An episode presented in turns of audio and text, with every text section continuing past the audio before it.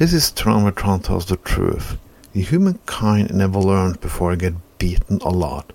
But even then, people never learn. They don't learn a fucking damn shit.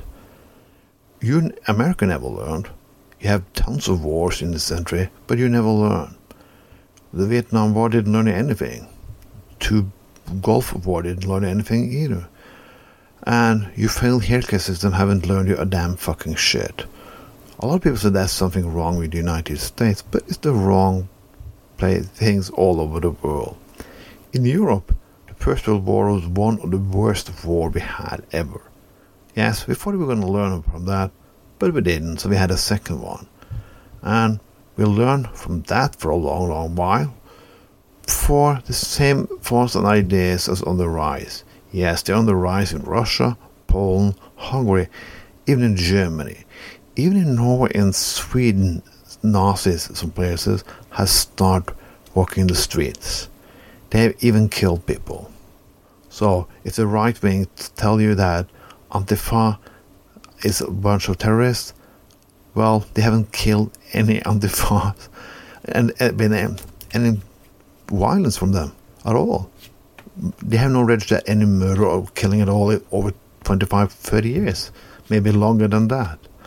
But that was not my issue on this, really.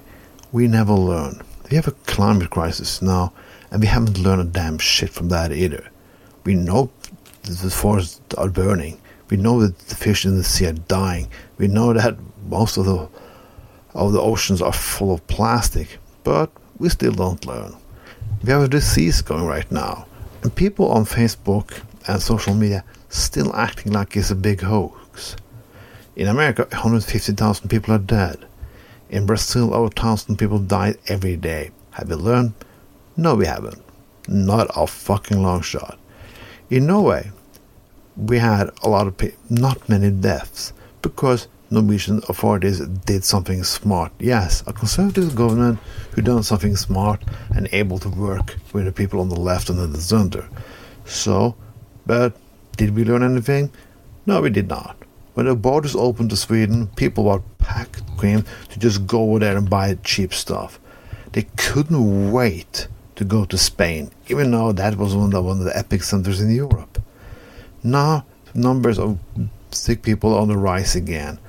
And I think it's going to come to a place where you don't have control anymore. And people are going to start dying in numbers again here in Europe, especially in Norway and Sweden. We never learn. And I don't think we're going to learn this time either. I, I wish I could say something happy to make you smile and do something. But everything I do in this, this segment is telling people to learn something from early mistakes. But I tell people to go and vote. That's because I've seen political history how it goes. But I tell leftists not to be so fucking fragile and go for the second best, for the best in the long term. It's because I've seen history. I see this shit. That's what I have learned. But not even on the left, not even the right, and not even the center, we learn. Because you know, we're more uh, fed up. Be no, sorry, people. We are too full of ourselves. We never learn. It's all about us, us, us 24 7. I think the number is going to keep on rising, and I think the impact is going to be worse. I think the race of fascism going to increase, and I think totalitarianism to be a problem.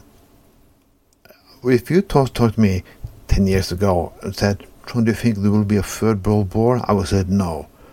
But now, I say yes. Nationalism on the rise. And people who say nationalism is good, well, they haven't learned either.